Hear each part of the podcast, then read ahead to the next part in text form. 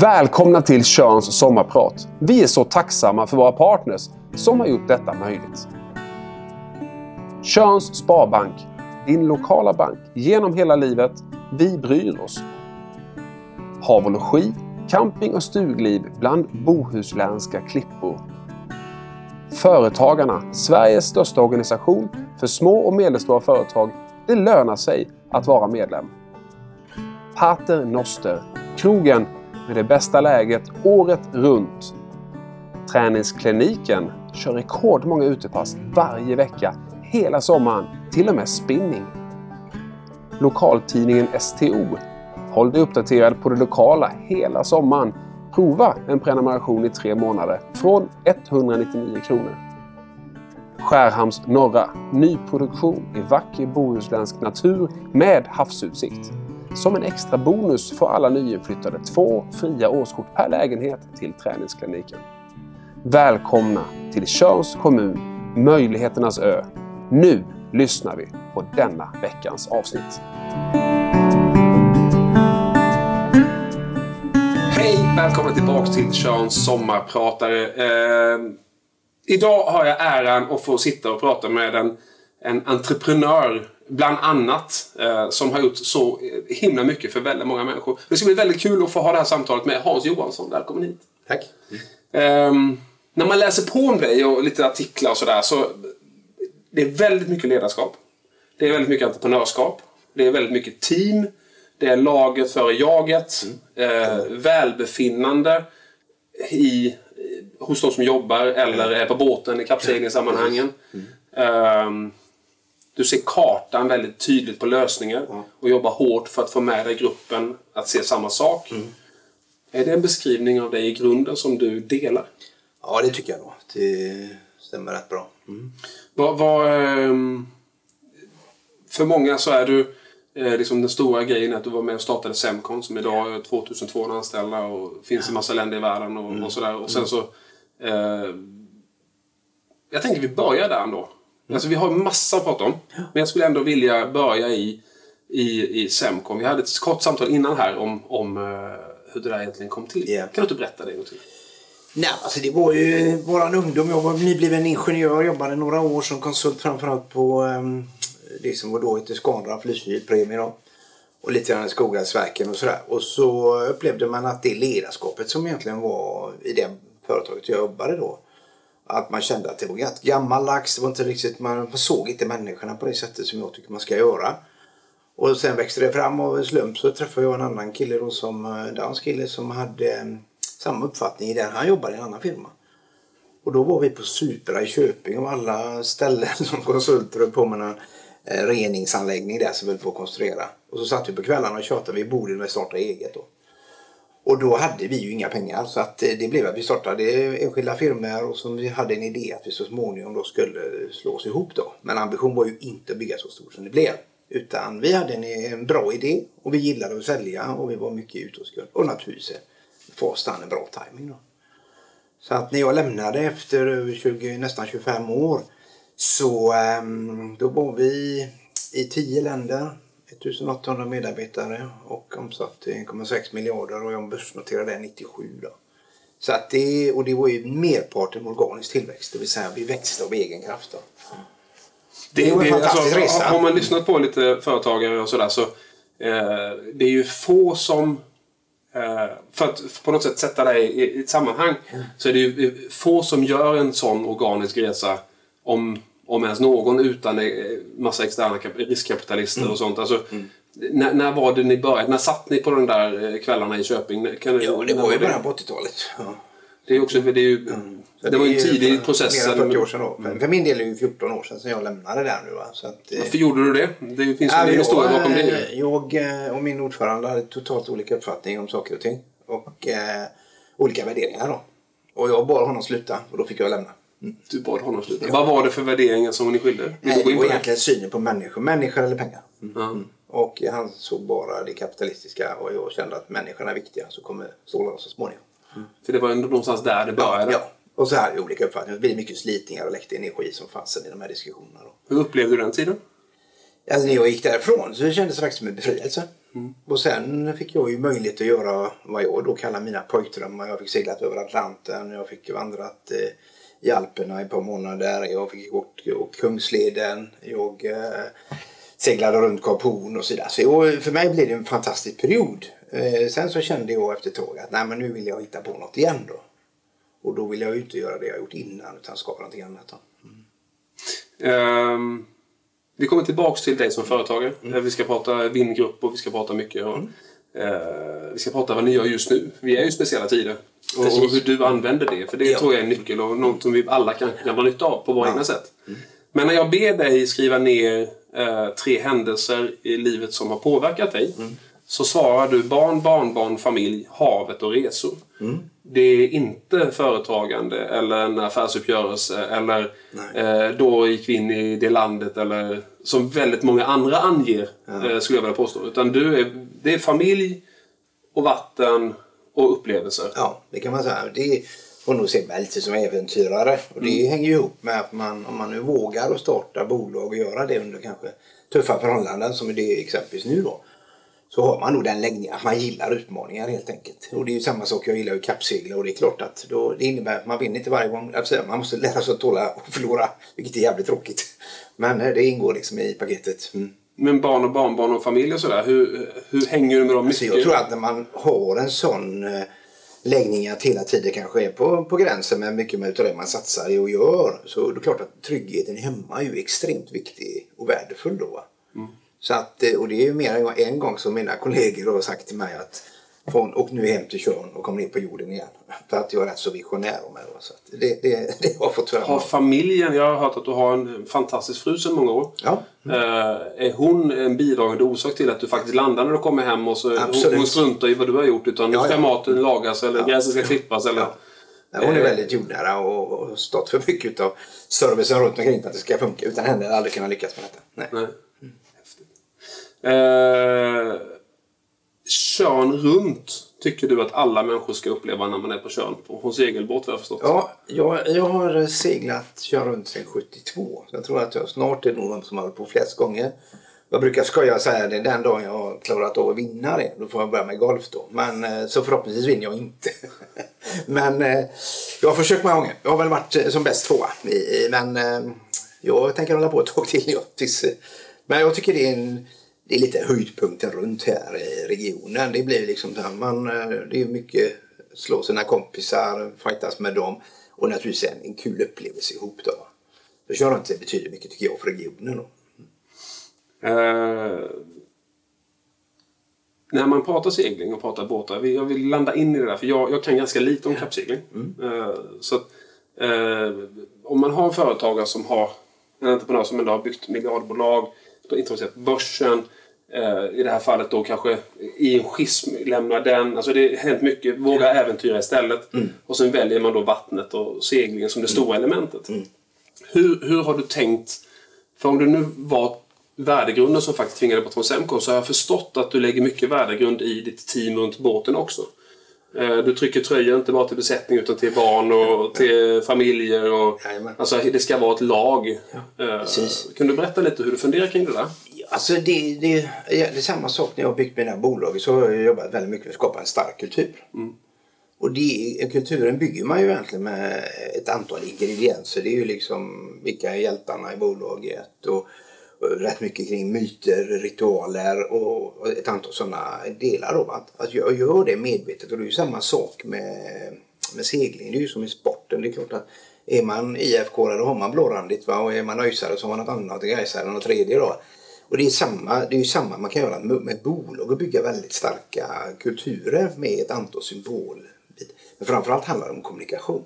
Vad är det vi pratar om på båten? Vad är det vi pratar om i företaget? Vad är det första vi tar upp på ett möte? För mig har det alltid varit naturligt innan jag liksom ens sagt hej på morgonen. Så, har du sålt något? Till mina chefer. då.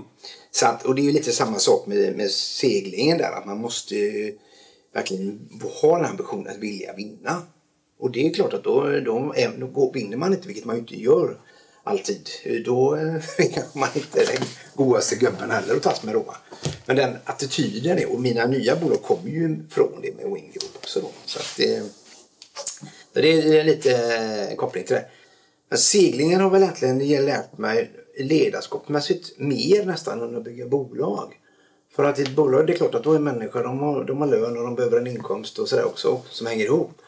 Seglingen innebär ju krasst att det här måste man tycka är så jävla kul. Och det är ju inte alltid så jävla kul. Det kan gå dåligt, det regnar ofta, det blåser rätt gärna. Och, sådär. och då är det inte, och seglar man då som vi har gjort mycket havskappsegling och då är det ju kallt och jävligt ibland också. Och då måste man röra ihop. Och jag tror att en sån här händelse som har lärt mig oerhört mycket om ledarskapet det är vi seglade uppe i Hanku i Norge. Mm. Så seglade vi EM, Europamästerskapen och det brukar gå ganska bra. Och vi hade hållit på tre dagar och eh, det hade regnat och blåst. Och, och, så och vi hade, jag hade fått låna ett jättefint hus av en norsk kompis i, som, med pool och hela kittet där. Och så hade vi kommit tillbaka efter en här 24 timmar. och det hade regnat och blåst. Och så står jag i duschen och muttrar för mig själv och så eh, säger killen som är i duschen bredvid, för jag säger att jag fattar inte vad vi gör för fel liksom. Det vet jag, säger han på andra sidan skynket här då. Och då, eh, ja men då får du fasta mig hjälpa. Ja, på ett villkor säger han då, att du håller käften en timme.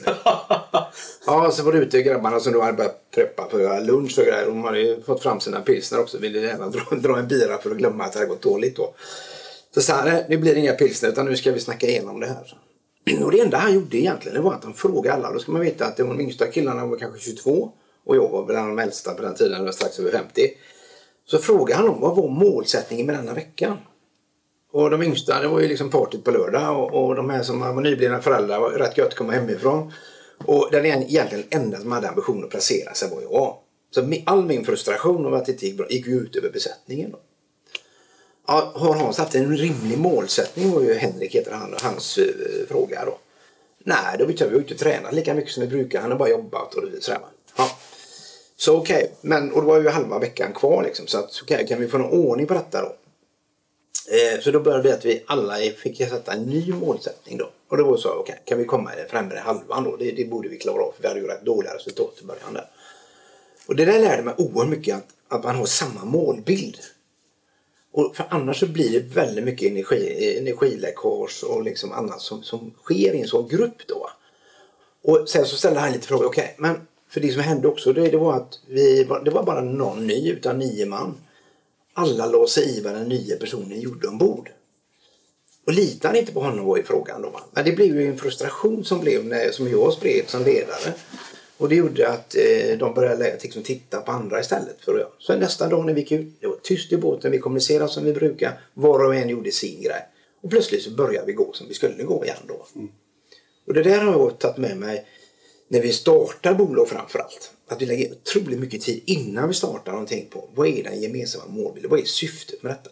Och inte minst förstå drivkraften hos de individerna. Och det är nog det jag har lärt mig mest på, på liksom, hur ska man få det här att Det är intressant. Vi har haft andra samtal i den här eh, sommarpraten här på Tjörn mm. där man har sagt just att eh, syftet, visionen, eh, kalla det vad du vill, ja. måste sitta där. Mm. För då blir strategin och handlingsplanen och aktivitetslistan väldigt enkla att fylla i. Precis. Det blir väldigt enkelt för alla att docka in i det. Ja. Och om det dessutom är en offentlighet i vägen mm. till visionen mm. eller syftet ja. så, så, blir det en, en gemensam tratt. Liksom. Ja, precis. Så, så den, eh, den händelsen tycker jag... Det, visioner och mål. Och jag har ganska lätt för att liksom, se de här långsiktiga visionerna och även kanske hur sammanhang saker och ting hänger ihop. Då. Mm. Och jag var absolut ingen stjärna i skolan. Utan jag brukar skoja så här, något kommit till på gymnasiet utan duktig i teckning och träslöjd och jumpa. På den tiden. Men eh, det, det, så jag har ganska lätt, jag har bra bildminne och gillar att fotografera och sådär. Så ser ganska snabbt hur saker och ting hänger ihop. Då. Har du blivit bättre också med åren på att kommunicera den bilden så att andra förstår den tidigare än tidigare? Det ska ju andra svara på egentligen, men jag, tror väl det. så du är så, ja, så pass ja, intelligent ja, du så du ser ju den. Eh... Framförallt har man ju blivit lugnare med åren. Och, och liksom mer tålamod. Det är kanske inte det jag har varit känd för, men eh, det betyder mycket mer tålamod. När man tittar på de tiderna som har varit nu i några månader och vi går in i en sommar med liksom, mm. där ändå många har väldig osäkerhet. Och mm. det, det behöver liksom inte vara, alla pratar om företag som eh, tappar omsättning och och sådär. Men vi har ju också ett antal personer naturligtvis bakom som blir av med jobb eller permitterade. Ja, man umgås mer hemma. Mm. Alltså det, det, man sliter på ett annat sätt. Mm. Det är ett nytt förhållningssätt till ja. vardagen. Ja. Har du några tankar kring det som man kan liksom ge mig i, i tips i den här jo, nej, men Jag har ju funderat jättemycket på detta. För det är klart att som i mitt fall med 12 bolag idag, precis på att starta i Norge. utav de 12 så är 8 går lika bra eller bättre än för 4 år. Det är kämpigt då va? Och även vi kommer säkert drabbas och bara behöva dra ner lite då. Va? Eh, och det, så det har man funderat väldigt mycket på vad betyder det här? Man kan säga alla de trenderna som var innan med digitalisering, e-handel och så vidare. Det accelererar ju nu. Mm. Och, eh, och det som egentligen var på väg ut kan man säga, det går ju ändå fortare. Alltså köpcentra får det tuffare, förbränningsmotorer etc. Då. Så den det accelererar. Sen brukar man nog överskatta förändringen faktiskt. Att det, det blir, blir nog inte riktigt så mycket som vi tror. Då. Och samtidigt vissa grejer kommer, kommer bli väldigt stora förändringar. Och det är klart att det här med att vi alla vi kunnat jobba mycket mer hemifrån eh, och sluppit eh, resa lika mycket. Det kommer nog leva kvar ganska mycket. För det är ju det är ett bekvämare liv för många och inte minst bra för miljön. Då. Så att, eh, och jag tror att det som är den stora utmaningen nu det är ju dels att vi har en, en, en jävla massa crazy ledare i världen. Som, det är helt sjukt att det får fortgå i väldigt många länder. Sen så kommer nog besluten att tas på ett annorlunda sätt. Så att det de sista 30 åren har ju företagen gjort de stora investeringarna och sådär. Där ändras ju radikalt med alla de tryckerierna man har nu med att trycka nya pengar. Mm. Där politiker och myndigheter får en större mycket inblandning. Och kan vi påverka dem att ta rätt beslut? Alltså miljöriktiga beslut och cirkulära och ekonomi och så vidare. Då tror jag vi kan få en väldigt positiv förändring. Så för den som bara, då bara jobbar för ett företag som kanske blivit uppsagd så är det så här, förändringen kommer att eh, skapa massa nya möjligheter. Absolut. Sitt lugnt i båten, ja, ja. andas lugnt, ha det gött i nuet mm. och det kommer komma nya möjligheter. Ja, ja. Det har alltid gjort i alla tider. Det är budskapet egentligen. Ja, och jag ser i min grupp då, av bolag där, vi hade ett telefonmöte eller ett sånt Teamsmöte nu på morgonen här då. Och det är klart att då är det åtta utav ledarna, de sitter ju och pratar om nya affärer, offerter vi skickar, affärer vi har fått. Och de fyra då som har det kämpigt, som sitter och tänker på andra saker, det är klart att de peppas ju av det, att här finns möjligheter då. Och alla delar med sig av bra idéer och vidare. Så här gjorde jag för att få den affären eller vad det nu var. Har du sådana möten varje vecka? Vi, vi kör 14 dagar. Vi har kört varje vecka nu under den här jobbigaste perioden. Men vi känner väl att det lättar upp lite nu då. Mm. Är det VD för alla bolagen? Eller ja, just det. VD. Mm. Det innebär, har, har du, oh, då måste jag bara sidospår. Ja. Är det en bra samtalsgrupp? Vågar de prata där, absolut. dina VD, med varandra? Ja, absolut. Men det är starka personer och alla är ju delägare i sina respektive ja. bolag. Så att, eh, det, det, det vågar vi prata helt öppet om. Och framförallt viktigt just att förstå, är det någon som mår riktigt dåligt, att man liksom fångar upp det då. Mm. Cool. Sånt läge. Spännande. Mm. Eh, du pratar nästan hela tiden, vi kommer tillbaka till dina nya företag, mm. vi, vi, kommer komma dit, men vi, du pratar ändå ganska mycket om eh, klimatsmarta investeringar, cirkulär mm. ekonomi eller cirkulär energi. Eh, och en av de punkterna som du säger, om, vi säger så, om du får göra två stycken saker på kön, skrev mm. jag i lilla frågetext. Som, som oavsett vad det kostar vad skulle du vilja göra då? Det första svaret var så här, jag vill bygga en tunnel eller en bro söderut. Ja. Eh, det, det, var så här, nummer ett. Ja. Men nummer två var att du ville att Tjörn skulle bli Sveriges första kommun som är helt självförsörjande av energi och hantering mm. av sopor. Mm. En cirkulär energi. Mm. Varför skriver du det? Nej, för jag har förmånen att resa otroligt mycket. Och jag har av någon konstig anledning fastnat på att åka och segla och åka till sådana remote places. Som att eh, Eh, ja, Nordpolen, eh, Svalbard, eh, Antarktis eh, och så vidare. Va? Och klart, om man en gång varit i de här miljöerna som är stort sett orörda kan man säga då. Så blir man ju så fascinerad och samtidigt så ser man att även där är det påverkat av plast och nät och annan skit då i havet. Då, va? Och då blir man väldigt påverkad och när jag seglade till exempel runt Kap Horn och då hade jag med mig en eh, kille från Falklandsöarna. Och så när man är inne och paddlar kajak som vi gjorde vid de här eh, glaciärerna.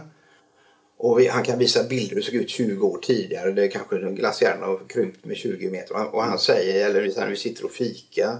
Så säger han, sannolikt är vi de första människorna som går här. För att isen har försvunnit då. Då blir man jäkligt påverkad av det.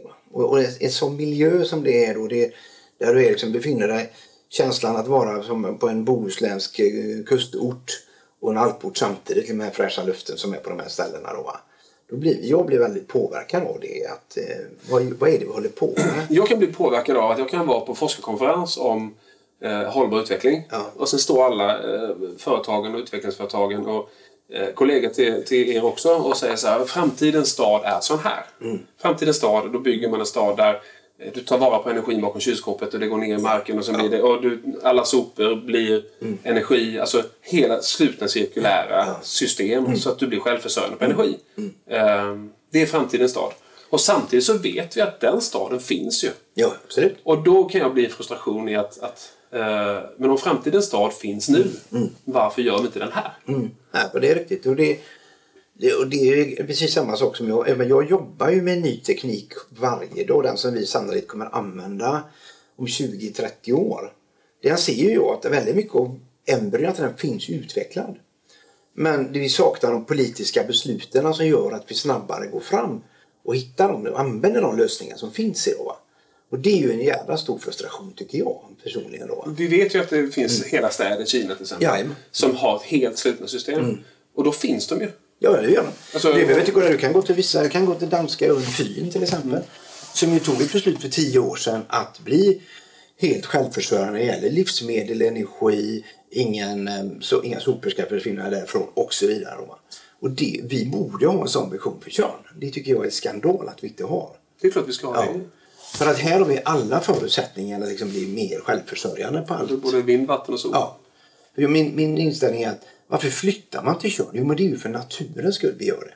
Och så samtidigt så ser man ju hur vi gör våld på och bygger på åkermark. Vi kommer ångra livet av oss om 20-30 år. Och så vidare. Va?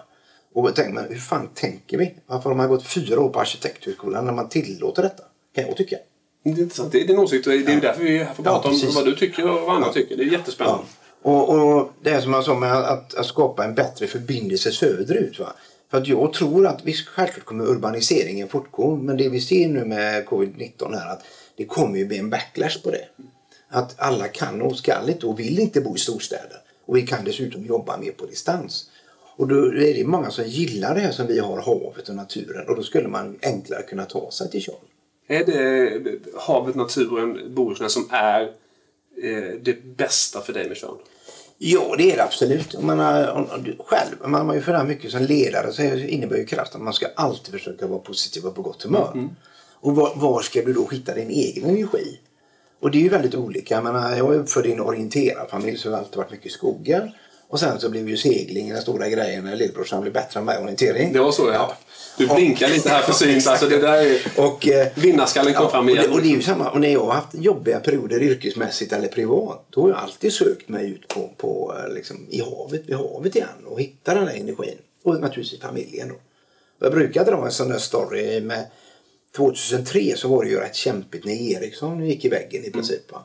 Och naturligtvis så minskade det rätt mycket med affärerna då. Och då tog jag med mig mina gamla ungdomskompisar som jag alltid seglade med för. Så gick, och seglade vi tillbaka till Kälkerön som ligger ute i, i Åkerfjorden. då. Och så, eh, eller förlåt, Stigfjorden. Och så eh, satt vi och konstaterade att den här rör sig exakt lite grann ut som den gjorde för 30 år sedan när vi satt här och drack Parador. och det kommer den alltid göra. Ja. och det är rätt bra för, för, tycker jag, för tryggheten hos en själv då. Att känna det. På det spåret om vi pratar Tjörn. Vi ska fortsätta prata Tjörn. Det är trots som- sommarpratarna här. Höviksnäs Ja, har du använt som... Tjörn runt var första bucket eh, liksom, grejen. Det måste man ha gjort. ja det tycker Och jag. sen så tycker du att man ska lägga mer tid i Höviksnäs. Jag tar gärna lite mer om Tjörnröd sen men... Ja, ja. Du, vi har ju, herregud, vi har massa. alltså, Det är det som är så kul med det här. Vi, vi, vi, vi bollar mellan samtal och ämnen, men jag tycker ändå vi får en röd tråd i det. Nu är det Tjörn, Höviksnäs, tätort vid Hakefjorden. Varför är det en så bra plats för Tjörn? Ja, alltså, hade du frågat mig när jag, jag, är, uppvuxen, jag är född i Norrland. Jag hamnade i Stenungsund när jag var tio års åldern. Och sen så när jag träffade Ingeborg så valde vi att flytta till Tjörn. På hennes inrådan då. Jag kan säga att jag var rätt emot det. Här Men det ångrar du idag? Ja, det, Att du var ja, emot ja det. exakt. Men, och det var ju mycket kopplat till när jag gick på gymnasiet. Så då var det några få som var från Tjörn och de tyckte man var lite knepiga. Va? så pratade lite konstigt och Ja. var väldigt tajta tillsammans och så. Och likadant eh, så att jag, nej men vadå flytta till Tjörn liksom. Det var ungefär som att åka från Oslo där va. Men eh, det blev så. Och eh, det, jag trivs otroligt bra där. Och, och det ser man ju i sån här period som har varit nu när man har varit mycket mer hemma hur viktigt det är att bo så nära naturen. Jag bor mitt i, så här i- skogen om jag uttrycker mig så. va. Så, att, så att det, det upplever jag verkligen som positivt. Då. Och där kan man ju känna då att till exempel hur kan man bygga då ett samhälle på det sättet som man gör? Alltså ingen plan, ingen, ingen planering. Gångvägarna hänger inte med utbyggnaden och så vidare. Då. Och jag har ingen hemlighet. Jag har skickat brev till Martin Johansson. Han kommer få fler om mig, vad jag tycker man ska göra där ute. Och eh, det, det kan jag bli lite skrämd av att vi har inte längre sikt på detta. Och det är väl en, en grej jag har reflekterat över när jag har chansen att jobba så mycket internationellt. Jag var ändå rätt tidig. Jag startade i Kina 99. Det är Då gick alla uniform och cyklade. Och eh, då märkte man ju skillnaden hur det fanns en plan. Och alla pratade i 30-40 år framåt och inte som vi gör i, i västvärlden liksom nästa kvartal. Som är det viktiga där. Och jag är som person en långsiktig person. Och det har jag ju visat i alla bolag jag har jobbat med. Att jag har hållit på väldigt, väldigt många år med detta för att skapa något. Då. Så att, och Höviksnäs är ju ett sånt gammalt klassiskt samhälle. Man flyttar man det, jo det är ju hamnen. Det gamla samhället. Men vi har ju inte liksom utvecklat det för fem öre annat än att vi i vår förening och ser till att hamnen växer. Men utan noll stöttning av kommunen, det finns inte gångvägar, ingenting funkar. Alltså, det är pinsamt dåligt. Men det är fortfarande en av de vackraste platserna på jorden. Jag tycker det. Mm. Jag trivs. Och jag älskar engagemang. Alltså den dagen vi inte kan ha engagemang och tycka olika Mm. om utveckling och om plats på jorden. Då tycker jag då är vi farligt på det. Så det är väl fantastiskt att man faktiskt har den demokratin. Jag har den göra. baksidan jag säger vad jag tycker. Ja, men det är underbart. Det är en framsida. Inte alla som gillar det. Ja, men det är ju, alltså, då får man lite oärlig också. Jag har fått äran att vara VD för, för ett par stadskärnor. Det, alltså, det, alla människor har en åsikt om platsen. Ja. Och det är ju det vackraste som finns. Och den dag folk slutar bry sig, då finns det ju inte längre. Nej, då, då, då stagnerar allt. Ja. Jag tycker det är fantastiskt härligt. Kul. Ehm, äventyraren vill jag tillbaka lite till. Mm. Vi har pratat Semcon, vi har pratat din tanke runt eh, kappsegling och bygga team.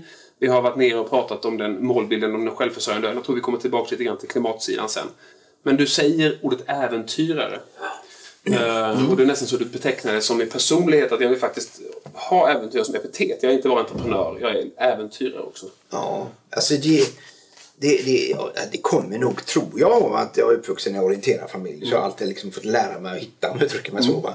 Eh, man sprang ju självklart fel många gånger när man var ung. Och, och, eh, och, och gillar det här med kartan och kompassen. Liksom, att man inte riktigt vet vad som kommer att hända. Och jag är ju absolut ingen förvaltare utan jag måste utveckla det jag håller på med. Oavsett om det eller vad det handlar om egentligen så måste, måste jag göra det. Och att, att starta så många bolag som jag har gjort ett 40-tal, det är klart, det är ju ett äventyr. Och alla har ju inte blivit bra, absolut inte.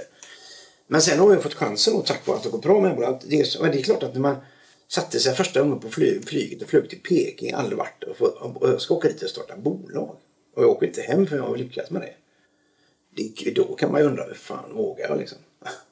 Och det, och det ska jag kunna ta många sådana exempel som man har gjort då. Men det bottnar ändå någon slags, tror jag, någon grundtrygghet när man har sig själv. Jag kommer nog fixa detta. Men jag, tänker, jag kommer tillbaka till det. Mm. För, för, och väldigt, väldigt snart. Men eh, för alla människor så är ju inte att åka till Peking och starta ett bolag ett äventyr.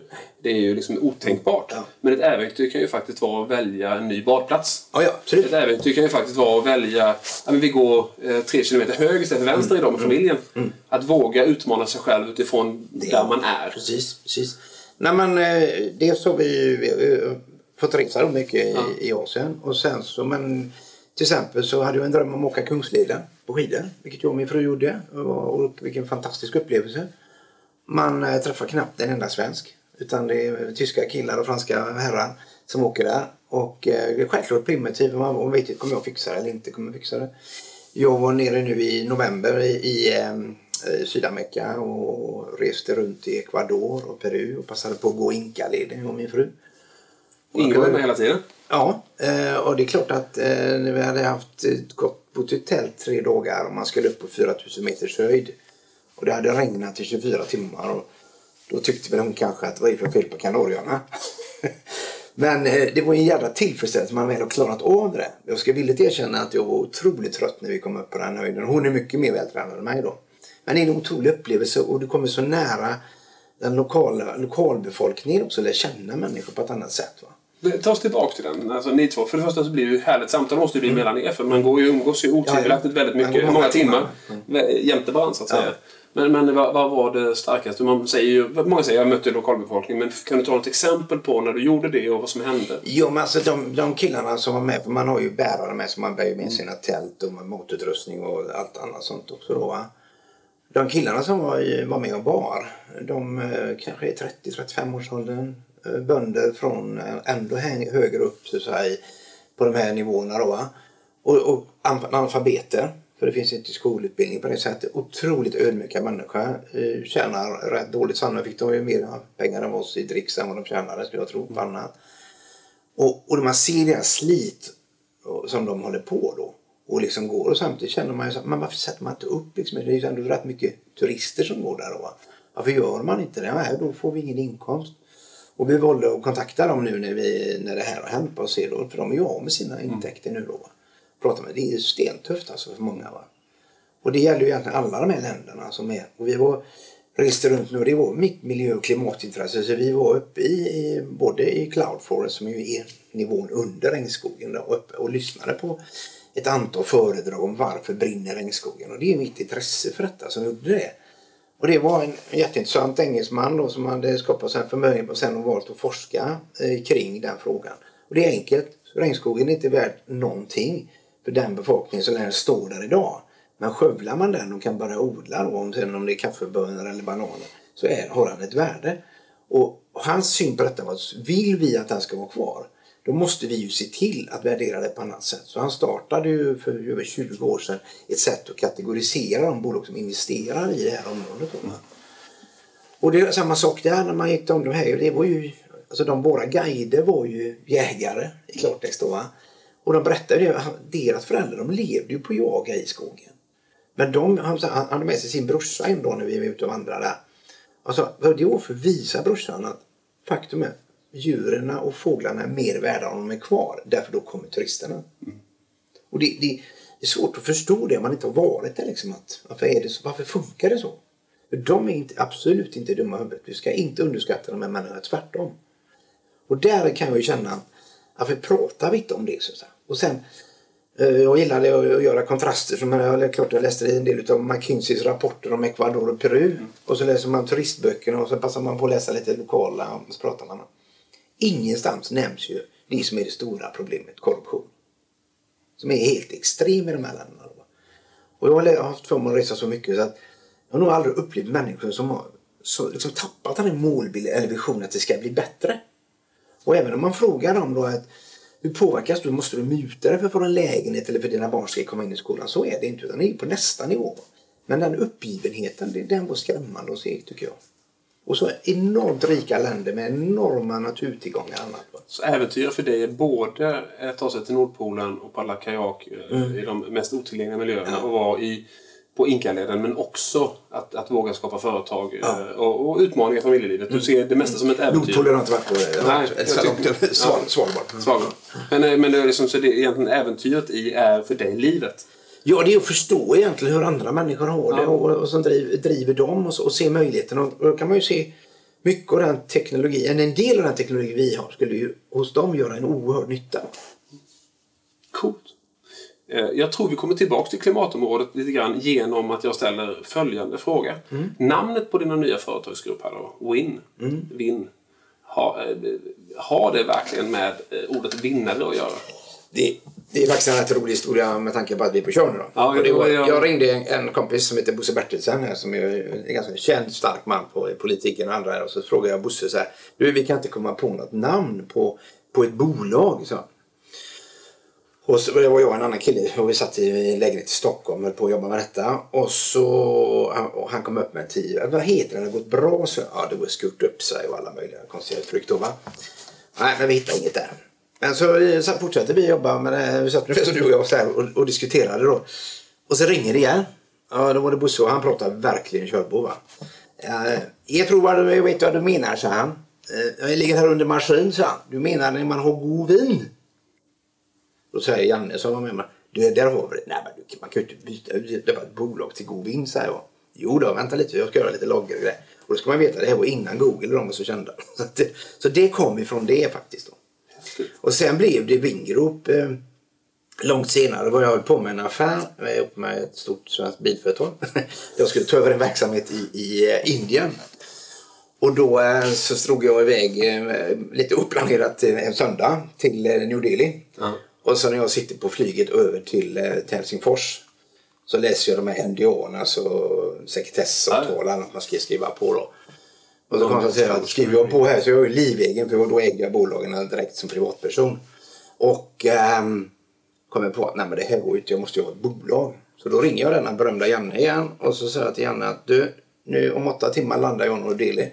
Då får du ringa till Bengan och så får ni se till att han startar ett bolag. Det är min CFO och kollega. Och så får du hitta på ett namn på, eh, på bolaget.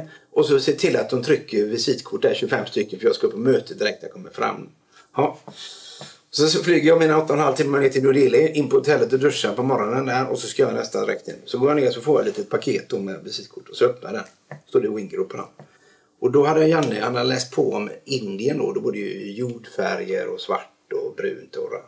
Och när jag öppnade den här eh, eh, vis, eh, visitkorten då, så blank svart färg, orange vit logga då. Och jag kände, undrar om det är en nattklubb jag startar. Men det var inget att välja på, det var i med korten i fickan och åka iväg. Så gick det till.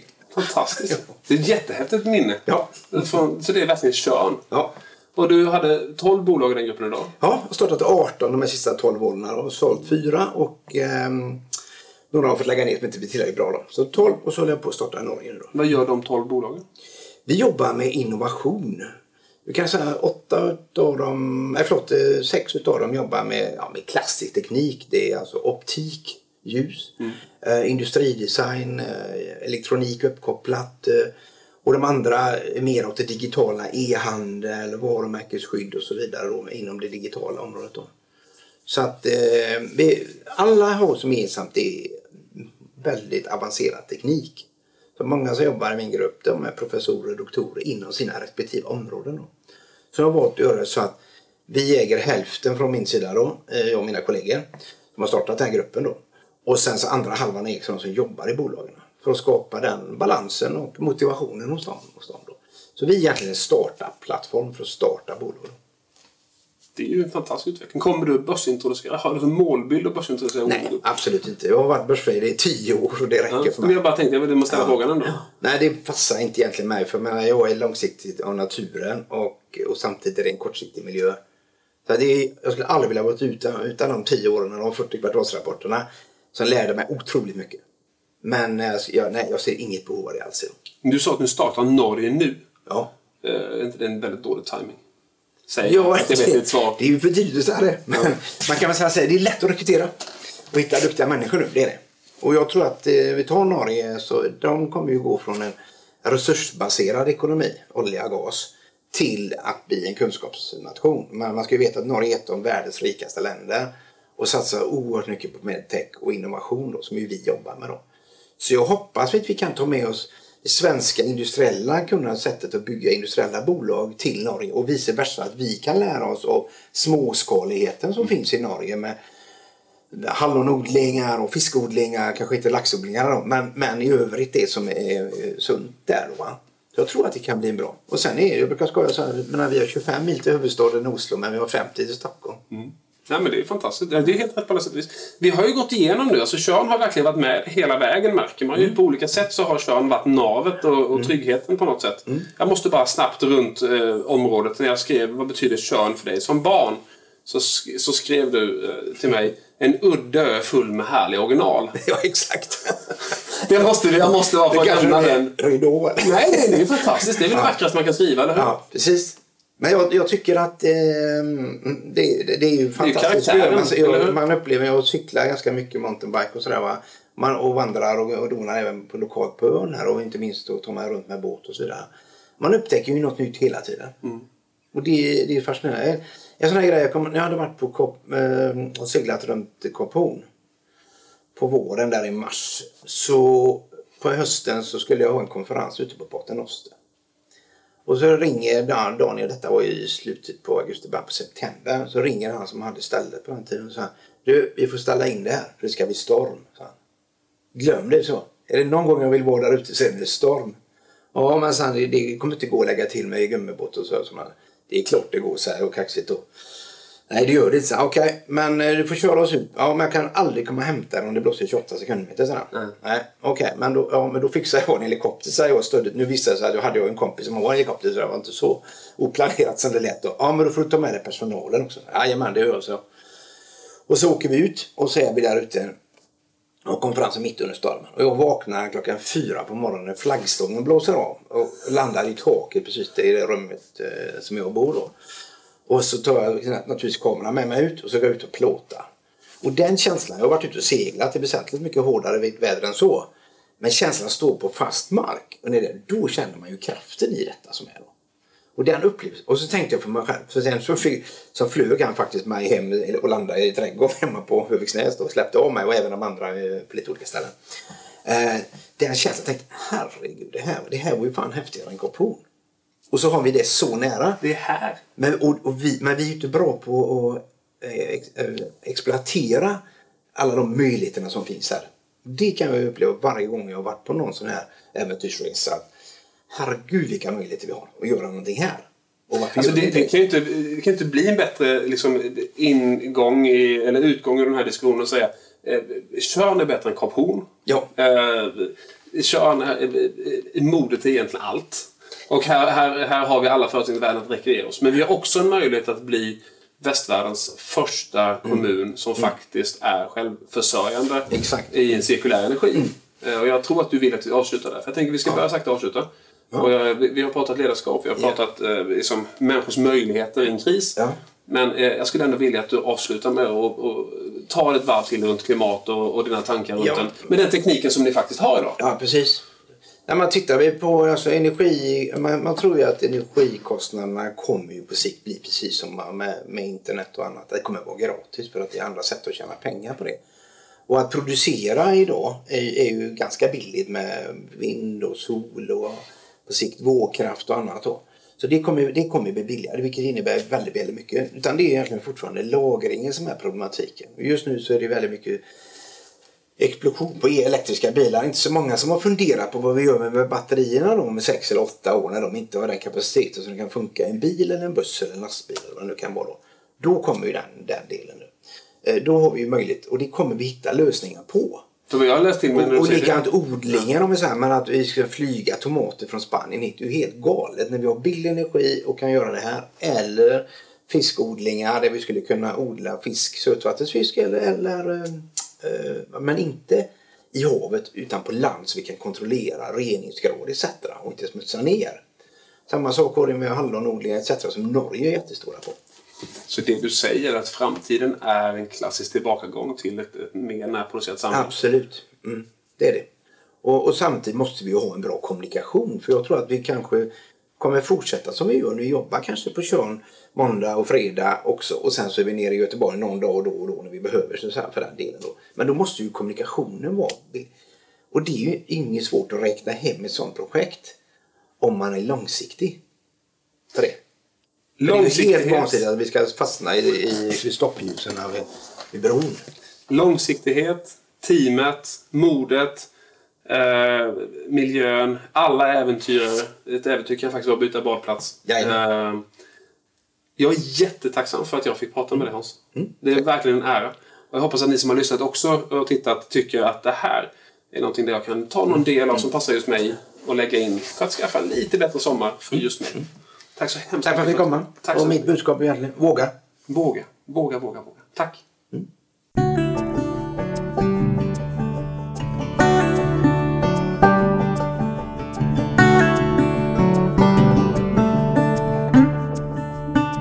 Tack för att du har lyssnat på Körns sommarprat. Vi är så tacksamma för våra partners som har gjort detta möjligt. Körns Sparbank, din lokala bank genom hela livet. Vi bryr oss Hav och logi, camping och stugliv bland bohuslänska klippor. Företagarna, Sveriges största organisation för små och medelstora företag. Det lönar sig att vara medlem.